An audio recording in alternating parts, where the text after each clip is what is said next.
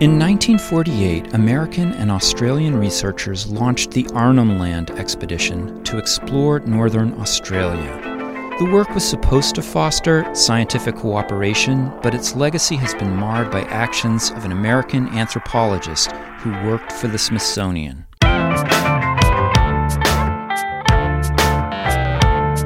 It's time to eat the dogs. I'm Michael Robinson. Today, Martin Thomas discusses the Arnhem Land expedition and the controversy that surrounds it. Thomas is an associate professor of history at the Australia National University.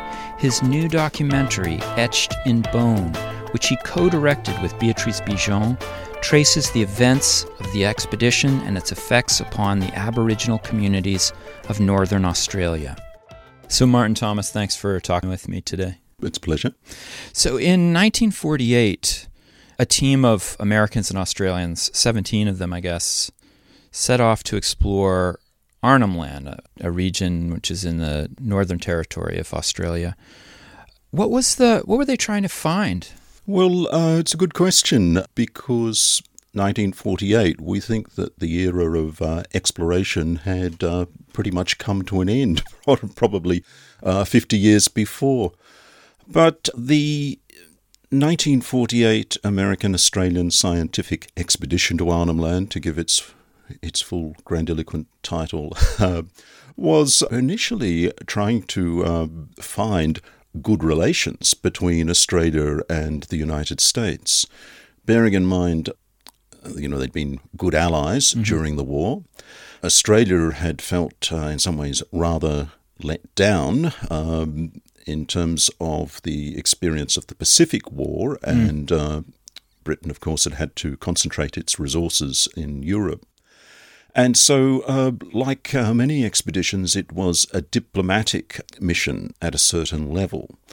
But I guess the um, other thing they were trying to sort of find or discover was uh, to a better understand uh, the natural environment, mm-hmm. Uh, the northern tropical environment of Arnhem Land, and uh, they were trying to better understand its inhabitants. Mm-hmm. Uh, Arnhem Land was, at that time, an Aboriginal reserve. It's now Aboriginal owned country. And it's a vast territory. It's about uh, nearly 100,000 square kilometres. So it's a big terrain that hadn't really had a lot of interaction with outsiders. So you write in your book that the the kind of inspiration for this idea came from the United States in the form of the National Geographic as well as the Smithsonian and then the Ministry of Information in Australia. I was wondering if you feel like so I guess the question is this are there scientific questions that are driving the expedition into the field or do you feel in a sense that this is more political or a kind of let's collect what we can find and, and move forward from there? Uh, well, as I said before, it's partly political and uh, it's partly to do with the sorts of um, product or the sorts of stories that expeditions uh, tend to create. The mover and shaker, and in fact, leader of the 1948 expedition was a South Australian, mm-hmm. a guy called um, Charles Mountford. And uh, he'd had this very improbable career, starting as a, uh, I think, a tram conductor. He ended up becoming a telephone mechanic, and he was a passionate photographer, a very good photographer. And uh, in the great tradition of amateurs and autodidacts, he managed to get himself involved with various uh, museum expeditions uh, that went up into Central Australia. Mm. And he made quite arresting films. And in fact, he was, you know, the last year of the war, I think very end of 1944, um, he went over to the United States on a film and lecture tour. And this was an initiative of the Australian government to really spread the good word about Australia. And of course, in this sort of competing uh, environment, they need to say what's unique about Australia. Mm. Uh, well, Australia had uh, interesting flora and fauna and rock formations, and then it had um, its sort of our Aborigines, as people said in the paternalistic language of the day. Mm.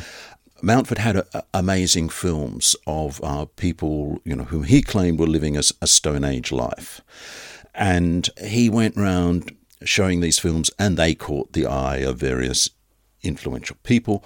One of whom was uh, Gilbert Grosvenor, hmm.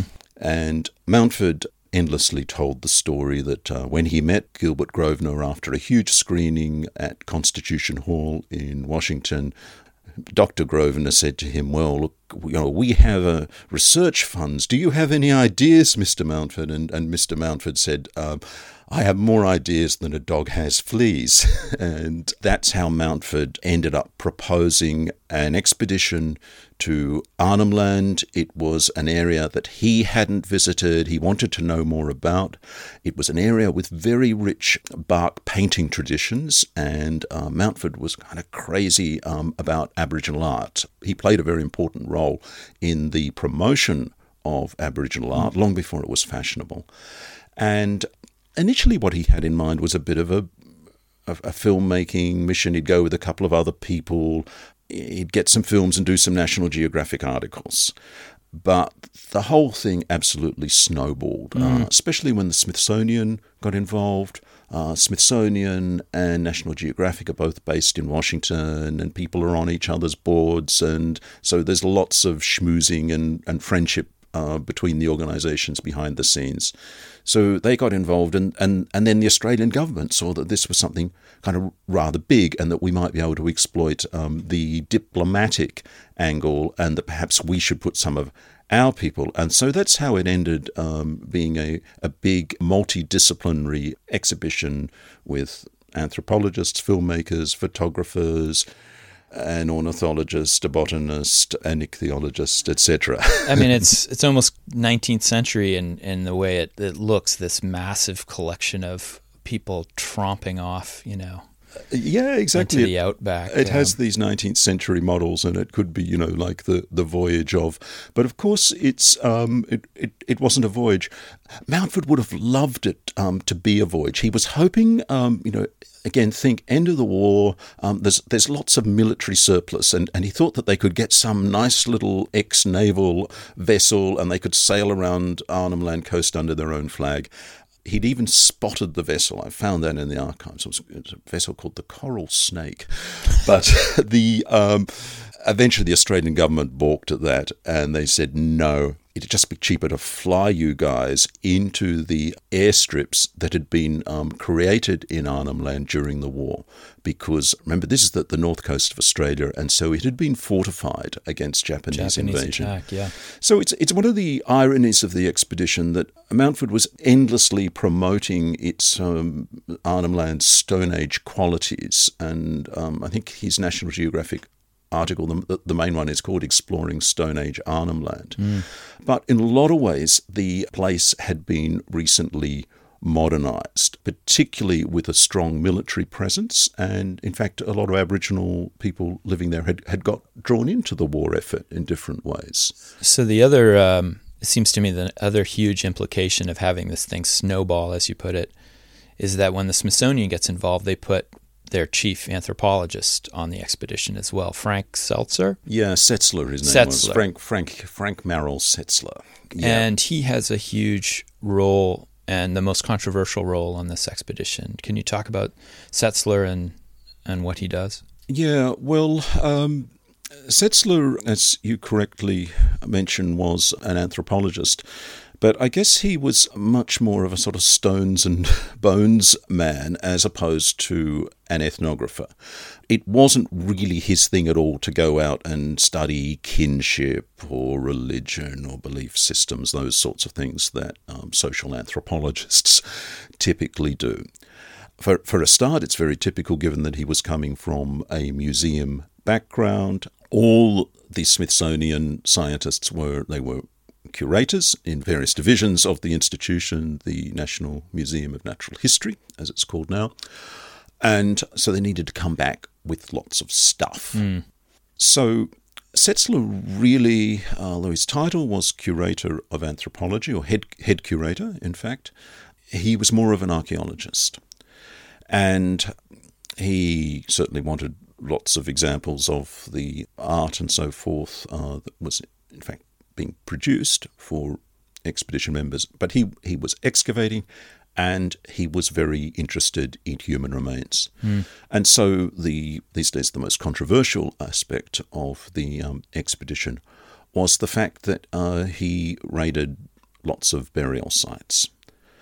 And according to the mortuary traditions of this region, uh, you know, he didn't have to sort even go digging for these things because typically after a death, a lot of um, rituals occurred, processes of rituals occurred over several years that would typically um, culminate with some sort of treatment of the bones. And uh, bones were uh, painted, sometimes decoratively, sometimes they were simply um, rubbed with ochre. Mm-hmm. And, and they were stored. Very often, if the landscape permitted in caves or in cracks of the rock. So the, the bones were um, returned to the ancestral country of the deceased person. And so Setzler only had to locate some of these caves, and uh, it was very easy to, to put them, the bones, into boxes. You know, this is, of course, an area of controversy in the United States as well. The the robbing of Native Native American graves in the 19th century. Uh, it's a long and really troubled history, as you as you know. When these bones come back to the Smithsonian, do you get a sense that they were used in any kind of scientific way, or was it simply a, a way of amassing a collection that they already had? Well, I've looked into that quite a lot, and I haven't been able to find uh, any scientific papers that were written, in fact, about the bones or trying to sort of uh, derive some sort of knowledge about the bones. There was um, Setzler's own reporting, which was basically an archaeologist's report, and he had you know diagrams and things of the sites uh, that they were taken from, and various measurements, and so forth. So there was that level of reporting, but really there was no subsequent analysis of the bones insofar as I've been able to determine. It's also something that I've asked people at the Smithsonian about, and nobody's been able to um, answer that. But of course, by by the time I came along, and uh, I was very fortunate to have a uh, fellowship at the Smithsonian mm. in, in, 2008, and I was able to study this um, expedition in some detail. But by that time, there was uh, controversy um, about a repatriation yeah, request yeah. Um, to do with these bones. And while, as is well known, the Smithsonian has been repatriating Native American bones since uh, the 1990s. The legislation, uh, you know, read strictly says that bones, human remains, and funerary objects will be returned to federally recognised tribes. Mm.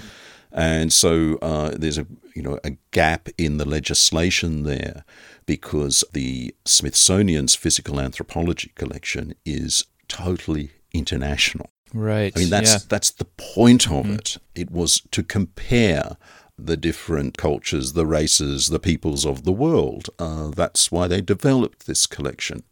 And so uh, many indigenous communities outside the US are affected by this uh, long tradition of collecting human remains. And it almost sounds from our conversations that this difference in categorizing the repatriation of Native Americans as a separate and distinct category from other international peoples is something that the Smithsonian used to hold on to these international collections, right? I mean, it was difficult to get these bones back. Yeah, it was. Uh, I think it was the late 1990s uh, that uh, the, the, issue was first reported. And uh, this is a very big um, issue in Australia because, uh,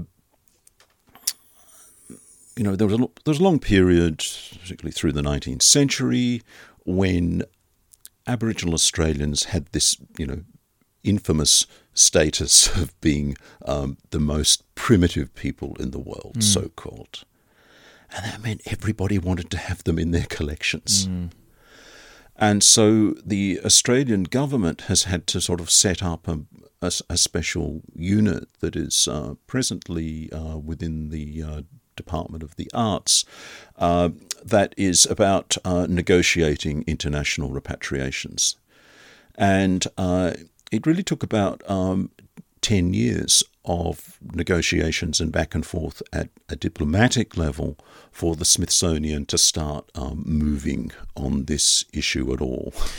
I find that really interesting. I mean, uh, you said you were there in 2008, and I was there in 2000, also working on another research project.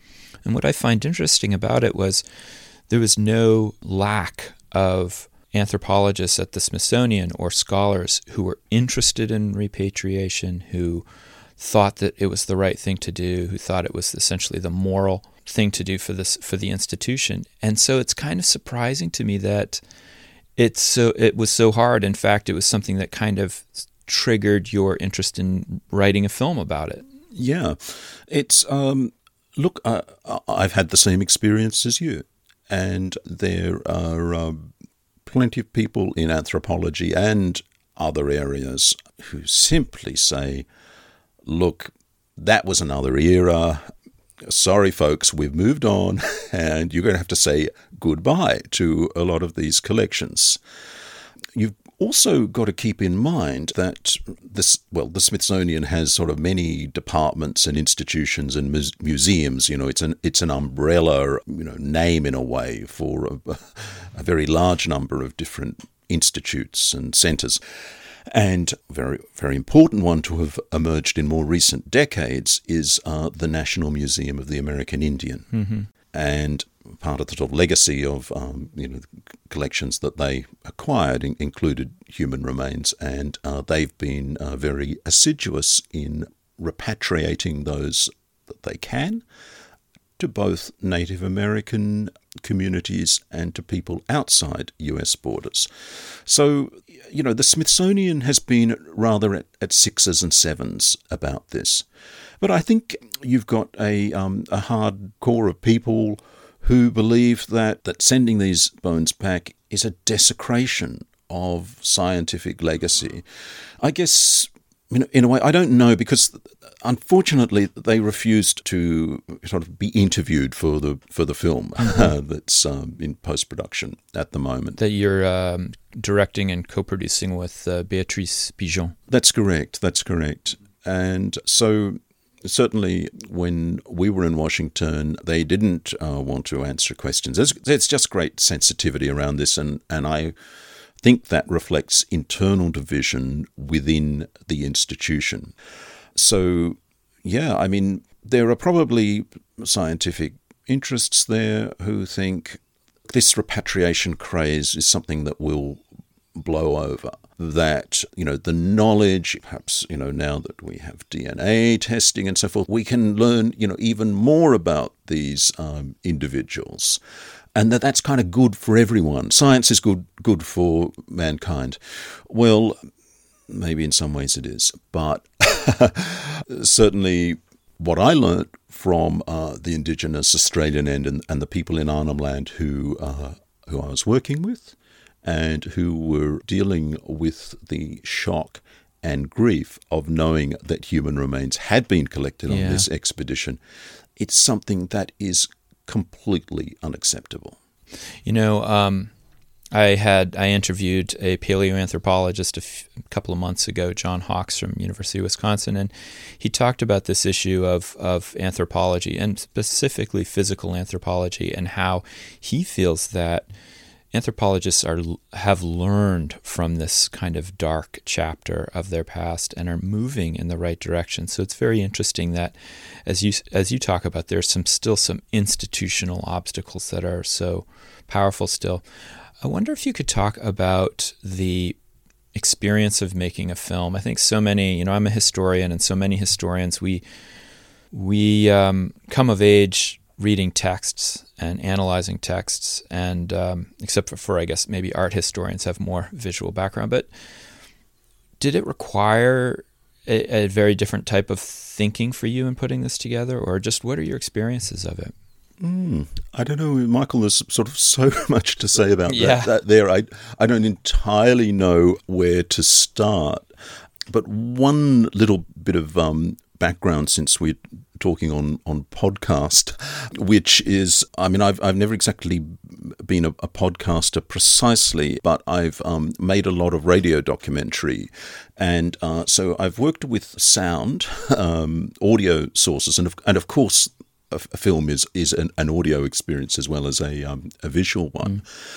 Mm. There's, there's the experience of working in um, real time media, which is important. And I guess you know part of what you have to do as a, as a podcaster as well is you have to try to get to the essence of things. And uh, wonderful thing about you know writing is that we can go in down all these sort of different rabbit holes right. and, and, details. And uh, whereas uh, in film and we've, we've got a it's a 70 minute film that Beatrice and I have have made. And uh, so you've got to be concise. And I think the other thing, and the, and I think this is an important realization as as a historian.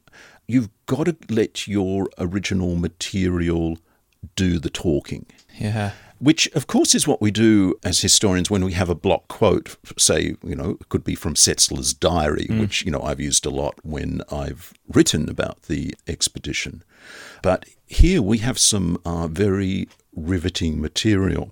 One thing about Frank Setzler is he's out doing his Smithsonian duty of being a scientist. But we know that expeditions, it's not enough to just do it. You're also somehow um, translating that message back to an audience. Mm-hmm. I think mm-hmm. that's, that's a, a, fundamental thing about expeditions. Uh, they don't only go to places, they connect places. Mm-hmm. They connect different sorts of terrains, geographies, seascapes, or, or whatever they are. And so for Frank Setzler, in fact, it's very important in collecting his bones, which he does in quite a clandestine way. We know in his diary that he actually waits until his Aboriginal assistants are asleep, mm-hmm. having a siesta. And that's when he goes out with an ammunition box and collects bones. But he sets things up so that Hal Walker, who's representative of National Geographic, is up there with his movie camera and films it. Wow. And so, so we managed to find that film. And so, you know, it's, it's, it's one of these smoking gun moments, you could say, yeah. in the film. And I think the thing about it, it's using you know your original materials or primary sources, as we call them in the historical trade, and finding just the right setting that is going to to let that moment of Frank Setzler putting the, the bones in boxes do the talking, I suppose. You know, one of the things that uh, I've screened the film, I've seen it with you, and one of the things I found so interesting about it is the amount of silence in the film that you actually do that. Um, you allow the images to tell the story, and not just the images, but how you juxtapose um, certain images of, let's say, Arnhem Land versus Washington, D.C.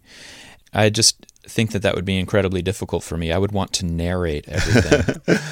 Look, um, uh, uh, so so did I, and well, I wanted to narrate a lot and you know I have my own views um, about this and it's one of the ways in which I think Beatrice, my collaborator, and also my wife, we formed a, a, a, working discipline around this. And Beatrice was extremely good at um, saying, "Shed this, shed this. You you don't need it yeah. because we're seeing it, or because in fact you're wanting people to um, to come to their own interpretation and you're not wanting to um, stand in the way of their emotional response mm. to this material. And I suppose, uh, you know, that's one of the differences between, say, a, a written narrative. And I, I love producing um, written narratives too, but it's what we talk about in academia as affect. You've got issues of, you've got the materials of the visual sources the sound, or as you say, the you know the silence at time, because we're working a lot with silent film mm-hmm. of, of film produced by the the expedition. Um, originally, in fact, the produced film made from this National Geographic material uh, was something that that Setzler spoke to. Oh, yeah, slideshow style. Mm-hmm. Um, it, it, was a silent lecture film, and the National Geographic were very big on those. Mm-hmm. And and so the returned adventurer would go out and wow his public in lecture halls and on the on the platform circuit, which was sort of still in al- alive through the the, the 50s, but eventually got Do squeezed out by television. of, of his transcripts from his slide notes? Did he save any of those? Yeah, I, I do. Wow. Frank, Frank Setzler's papers are in the National Anthropological Archives at the Smithsonian.